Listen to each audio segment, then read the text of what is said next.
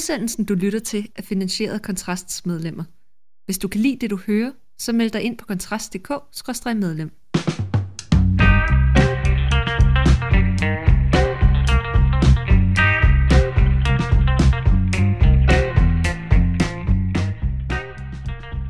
Så er vi i gang med Fyraften med Kontrast. Mit navn det er Mikkel Andersen, og i studiet her med mig, der er tidligere kommunikationsmedarbejder for Ny Borgerlig Astrid Johanne Hø, også nuværende journalist ved Kontrast. Og hvorfor så relevant med, at du er tidligere kommunikationsmedarbejder for Nye Borgerlige, Astrid? Jeg synes, der sker så meget i Nye Borgerlige for tiden, og det er, det er, det er små historier, men de kommer som perler på en, en snor og bidrager til et billede af et parti, som er, øh, hvis ikke i opløsning, så i, i uføre, ikke? Øhm, og, det er jo, og det er selvfølgelig interessant at tale om. Ja, vi skal se på, hvad der, hvad der sådan er sket. Altså, hvis vi, hvis vi sådan starter omvendt kronologisk, så kan vi jo mm. sige, vi optager det her onsdag ved middagstid. Jeg tror, det var hvad var det i forgårs, der blev det annonceret, at Niels Peter Ravn, som faktisk er den eneste repræsentant for Ny Borgerlig i hele Københavns mm. omegns storkreds, og de kommuner, der er her, som er indvalgt i Københavns Borgerrepræsentation, han har forladt partiet, han er blevet konservativ. Han har været med i den blå time også, jo. Ja, han, øh, han er god, han har en stemme, som mange kender. Han har været i øh, medierne med en masse sager. Øh, han har helt klart været et aktiv for partiet. Han har ved egen kraft fundet en masse ting, han har taget op. Han, øh, for eksempel øh, så har han ført kampen mod normstormerne på Københavns Rådhus. Øhm, og, øh, og taget mange debatter med dem. Øhm, så identitetspolitik har han markeret sig på. Øhm, men han er også... Øhm, han, det er også meget sigende, der ikke er plads til ham i Nye Borgerlige, vil jeg sige. Han betegner sig selv som nationalkonservativ, og øh, han blev tiltrukket af partiet af den årsag. Og det er han stadig, og nu, nu vil han så trække konservativ lidt til højre, som man siger.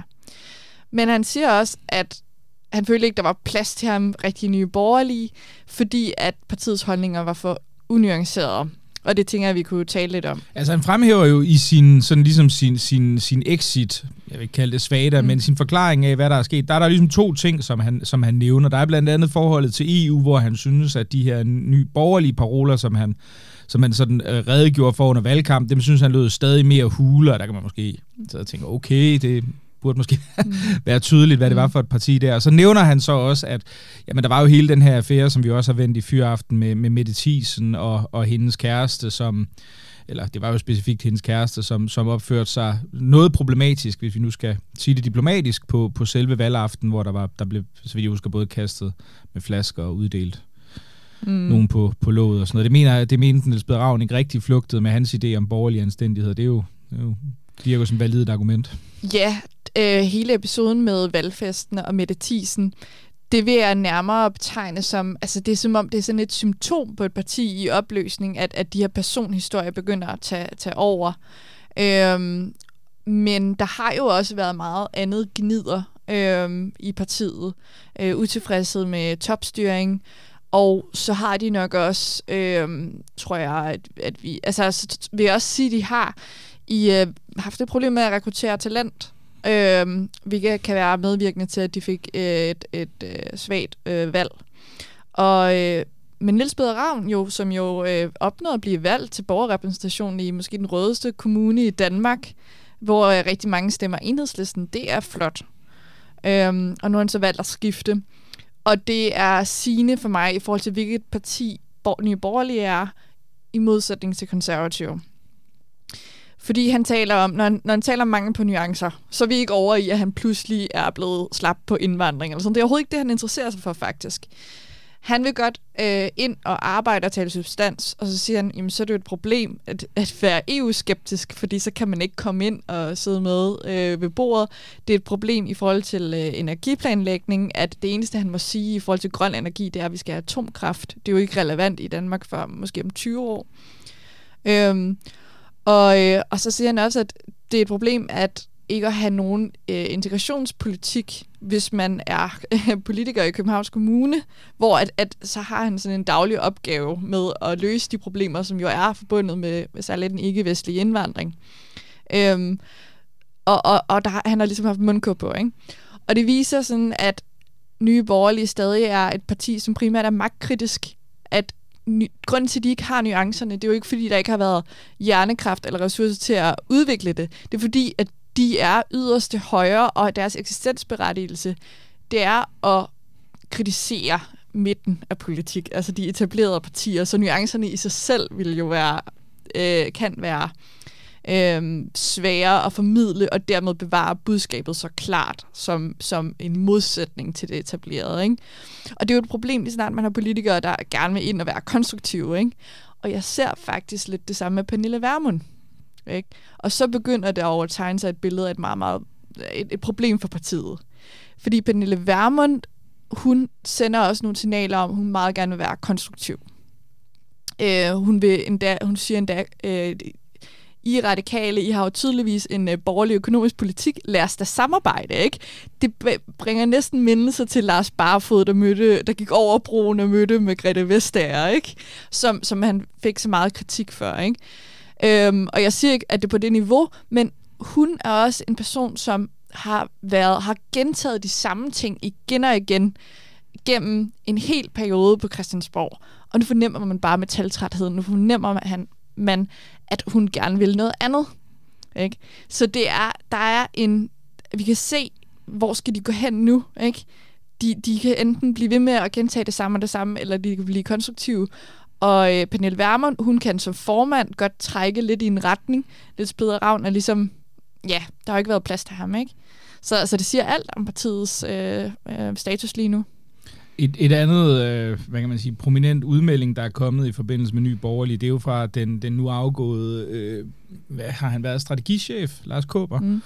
som, øh, som, det, som talte med, med Frihedsbrevet her, sådan en længere, øh, et længere interview. Kan mm. du prøve at opsummere, hvad, øh, i forhold til hvad du lige har sagt, hvad, hvad det er, som er de centrale pointer her? Ja, øh, han, siger, øh, han siger to ting, jeg særligt finder interessant. Øh, for det første, så siger han, at hvis man havde spurgt ham for øh, et, et år siden måske, så ville han have sagt, at øh, der er måske plads til et parti, der er det liberale korrektiv til Venstre og Konservative, og det ville nok være nye borgerlige, og så skulle Liberale Alliance være heldige, hvis de klarede skærene. Og en dag vil han sige, at det nok var modsat. Mm. Så vi har nye borgerliges øh, tidligere øh, øh, ja, pressechef, som nu i virkeligheden siger direkte, de er i store problemer. Øhm, og, og der må man jo sige, altså det kan han selvfølgelig også have. Altså det er også en mand, der er blevet fyret og så videre, så, så vi skal selvfølgelig også øh, se det i det perspektiv. Øhm, men jeg tror ikke, der er nogen grund til egentlig at tvivle på det. Det er hans, mm. øh, hans udlægning af sagen, og øh, han ved, hvad han taler om. Øhm, og det er jo også bare, altså det er også relativt banalt at så sige, jamen han, han så den ser virkeligheden ud. Det går rigtig godt for Liberal Alliance. Ikke? Mm. Øhm, det andet, han siger, som jeg synes er interessant, fordi det bare er, når man har arbejdet med politik, øh, så synes jeg, at det er enormt øh, skarpt og rigtig formuleret. Det er, at han siger, at man skal passe på, at partiet ikke bliver sagen i sig selv. Ikke? Det er jo forskellen på at være borgerlig, der har nogle holdninger, og så at være partigokker, vil jeg sige. Ikke? Øhm, og, øh, og der kan man jo så lidt også forstå ud af hans øh, interview, at han i hvert fald ikke er det sidste. Altså, at, at øh, det må være sagen, der er større end partiet. Men han siger også, at alle partier, de vil nok rende ind i det her problem. I hvert fald, som han nævner Danmarksdemokraterne, DF, Nye Borgerlige øh, og Moderaterne, at når man er etableret om en sag, jamen så kan det være, at der kommer på et tidspunkt, hvor man ikke længere kan, hvis det er ens eneste eksistensberettigelse, hvor man ikke længere kan retfærdiggøre det. Ikke? Nye Borgerliges eksistensberettigelse, det var jo at redde Danmark, mm. fordi de blev øh, stiftet i forbindelse med, at flygtningen gik på motorvejen, ikke? og der ikke var nogen, der, der sagde stop. Øhm, ja, så det var, det var et interessant interview, mm. synes jeg. Men, men, men hvad, altså man kan jo sige, det, det fascinerende er vel et eller andet sted, hvis vi sådan spoler tiden et år tilbage, så, så, så var Lars Kåbers daværende analyse jo slående, ikke? Fordi der, der stod øh, Ny Borgerlig jo ganske godt i meningsmålingerne.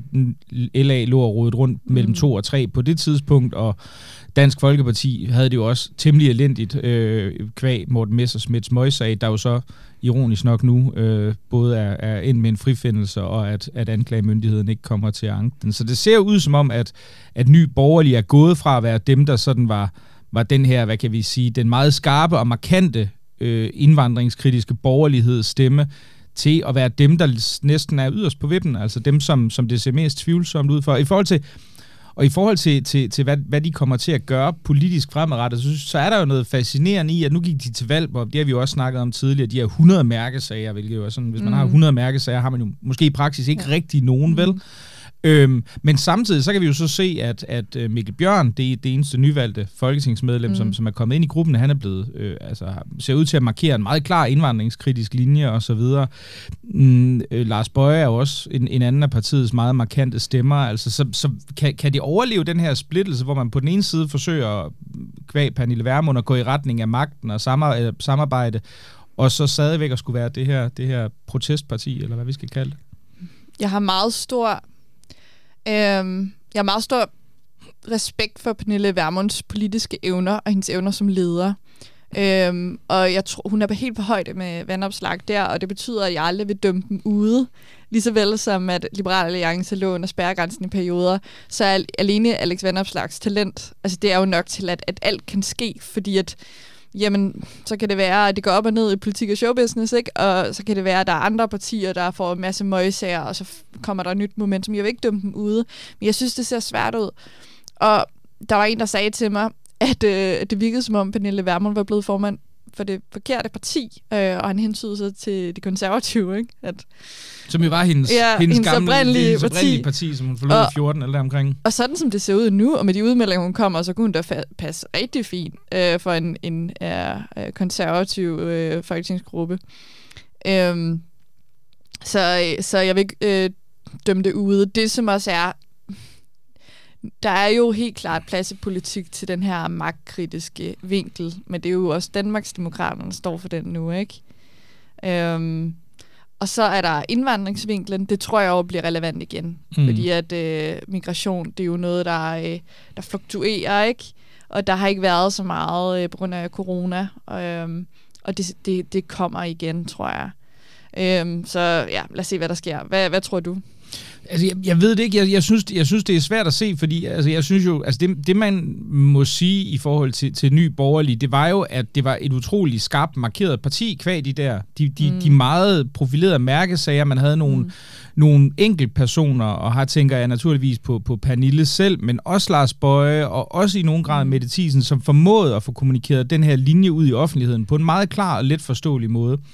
Og så kan man sige, problemet er jo, hvis Pernille Vermund sådan egentlig ser sig selv som en, der hellere vil være formand for, øh, øh, eller være i det konservative Folkeparti, så er det jo lidt et problem, fordi den vælgerbase, som min vurdering vil være, man har tiltrukket lige nu, er jo defineret af to ting, og det er jo lige præcis den her, altså en, en meget stor øh, aversion til Mette Frederiksen, den her meget skarpe magtkritiske linje, og så det, det, det, det rent altså, islam indvandringskritiske segment. Ikke? Men det, det, er vel, det, er vel det, som, det er vel det, som kendetegner, altså må, måske også med en større appel i provinsen end, end de større byer. Ikke? Det, det er det, der kendetegner partiet, men det sjove er, det, det fremgår faktisk også af interviewet, øhm, det har måske også fra starten af været øh, noget, der kunne give problemer, også i forhold til øh, Værmund, fordi at en af de øh, alt for langt tilbage, Øhm, så var der den her sag med, øh, at der blev lavet et program med hende og Shirin Kankan, der er barndomsveninder, og så skriver Pernille Vermund et åbent brev til Shirin Kankan. Og Shirin Kankan skal ja, lige skyde ind, hun er, hun er den eneste kvindelige imam i ja. Danmark. Hun er altså ikke anerkendt af nogen andre muslimer, ja, stort set, nej. men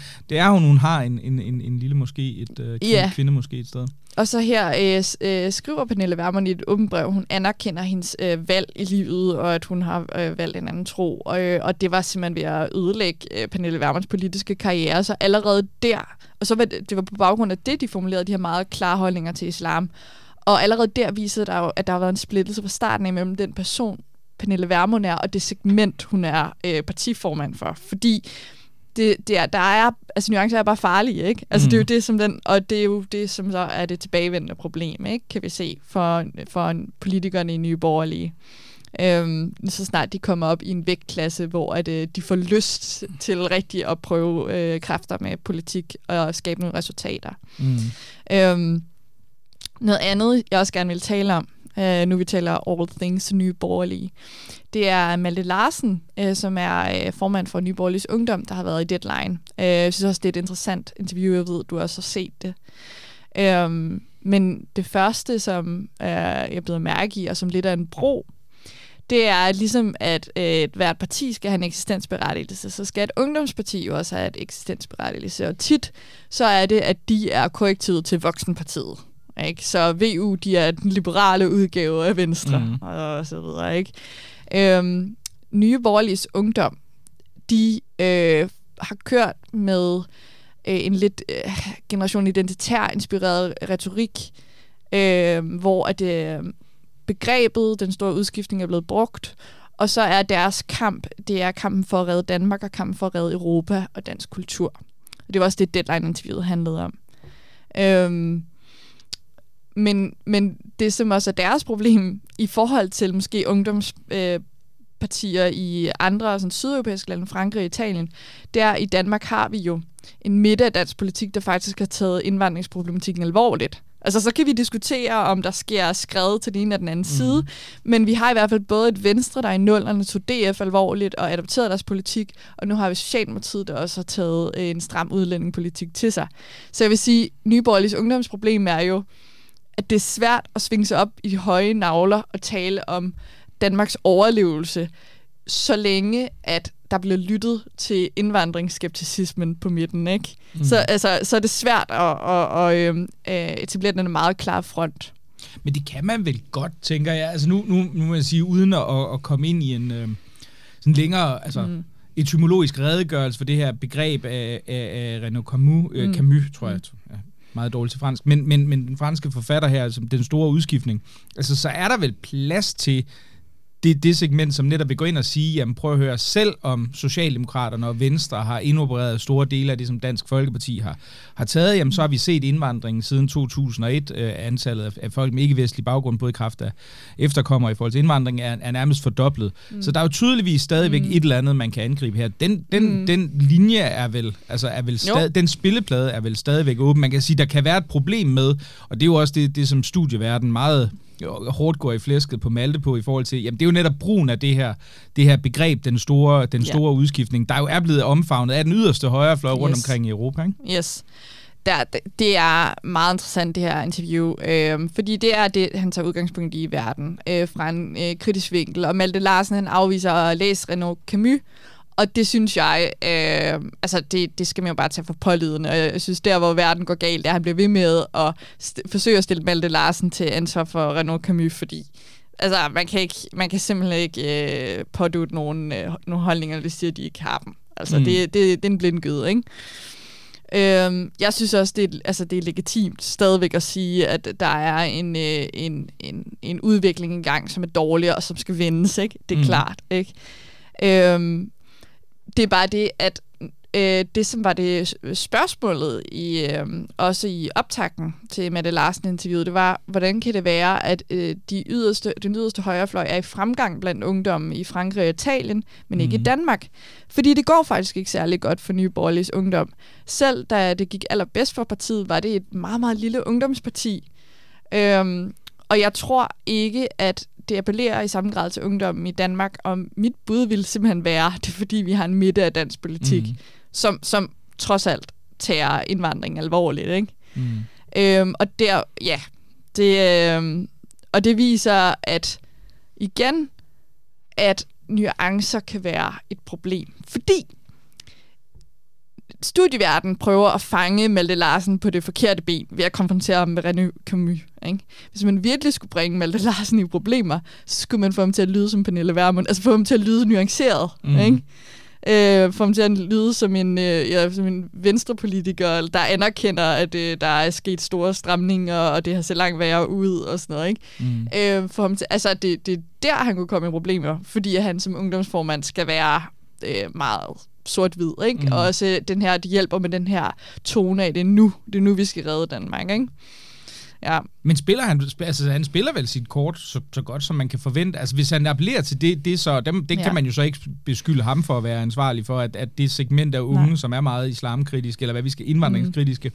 at det er meget lille, men, men han skal vel gå ud og sige, jamen, prøv at det her, det er det segment, som vi vil eje, og så kan det mm. godt være, at det ikke er særlig stort, men vi vil i hvert fald sætte os benhårdt på den. Eller det, det, det skal han. Øh, så han, han gør det helt rigtigt, og han klarede det jo et øh, rigtig, rigtig fint.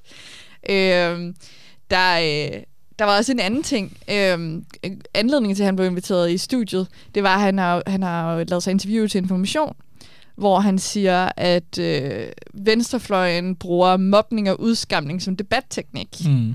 Øhm, og, øh, og, og altså, jeg ved ikke, hvad synes du om det? Synes du kun, det er venstrefløjen, der gør det?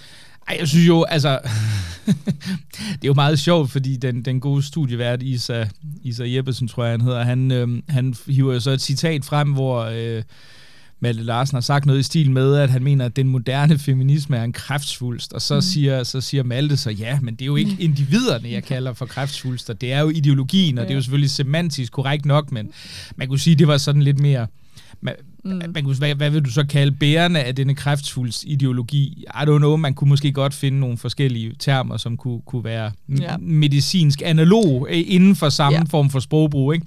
Så, altså, så, så nej, selvfølgelig er det ikke det, og det er der også en, en ting, som øh, øh, altså som, som man, man stiller sig særligt sårbar overfor, når man selv giver råd ud i den her slags sprogbrug. Og det, det må man jo sige, det er der jo, altså Mikkel Bjørn har jo også fået øh, hak for præcis det samme, ikke? og man skal jo passe på, fordi man kan jo nemt male sig op i sådan en slags glas position, hvor man står og jammer over, ja, at venstrefløjen på Twitter er super grove, yes. hvad der, der ikke er nogen tvivl om, at de er, men altså hvis man ikke skal travle særlig lang, lang tid igennem folks egne tweets og, og mentions og så videre for at finde noget tilsvarende, så bliver det nok et stort problem, ikke? Altså det, jeg tror Maltevis sådan forsøger i talesæt, det er selvfølgelig, at der er sådan en, en slags diskrepans i omfanget af, hvor meget mm. udskamningen bliver. Altså fordi det er, jo, det er jo rigtigt nok, at der skal jo, altså hvis du havde en eller anden øh, enhedslisten-politiker, der ville de jo kunne sidde og, og udbrede sig i information omkring revolution i timevis, mm. uden der var nogen, der kom efter dem og sagde, hvad er det for noget at sige? Ikke? Men man kunne jo godt sige, at du taler om en socialistisk revolution. Er du klar over, at Pol Pot, han, øh, hvad det hedder, dræbte, jeg ved ikke hvor mange mennesker, fordi de gik med briller i, i den kommunistiske mm. revolutions navn. Er du ligesom Pol Pot? Ikke? Det trick, som, som intervieweren laver i forhold til den store mm. udskiftning, kunne du uden problemer mm. applicere på en masse på venstrefløjen. Og det er jo, det er jo klart, klart, det sker jo ikke på samme måde. Ikke? Der gælder nogle lidt andre regler for folk på, på, på sådan en højrefløj, og særligt den mere yderlige højrefløj, end der gør for folk på den yderste venstrefløj. Det synes jeg jo er en legitim nok pointe, men problemet er, hvis du forsimpler den til at sige, øh, at man stiller sig op og siger, jamen, jeg kommunikerer høfligt og, og høvisk i, i forhold til mine mod, meningsmodstandere, mm. mens de sviner mig til at udskammer mig markant. Altså stiller man sig i en meget, meget sårbar position i forhold til lige præcis at få et eller andet gravet frem, ikke? Yes. Jeg tænker, at, øh, at de som ungdomsparti skal passe på med afsmitning fra den øvrige ungdom. Altså du siger glaskæben, ikke? Snowflakes-fænomenet øh, mm. der. Øhm, det her med at argumentere ud fra sådan utryghed, Yeah. Det, kan være, det kan være et problem. Uh, Malte Larsen har også på et tidspunkt på Facebook og Twitter uh, uh, taget en underviser fra Københavns Universitet op, som havde nogle, uh, nogle antidemokratiske holdninger, som han derfor mente, skulle, uh, der skulle luse ud i underviserstaben uh, på statskundskab. Og det, det fik han også kritik for fra andre borgerlige, for at sige, jamen du er faktisk med til at bære den her cancel culture frem. Mm. Øhm, og, og, og, og han argumenterede igen ud fra utryghed, at hvis der sidder højorienterede studerende, som så oplever, at øh, deres, at de så er racister, øh, fordi de, øh, de har den her underviser, øh, jamen så skal han ikke have lov til at være der. Men, men, men så er pointen jo, at hvis vi tager den her utryghedsargumentation til os, så legitimerer vi den, og hvem er det så, der taber i sidste ende, ikke? Altså, hvem er det, der taber, mm. når, når cancel culture bliver udrullet? Altså, ender det med at blive os, eller ender det med at blive de venstreorienterede, ikke?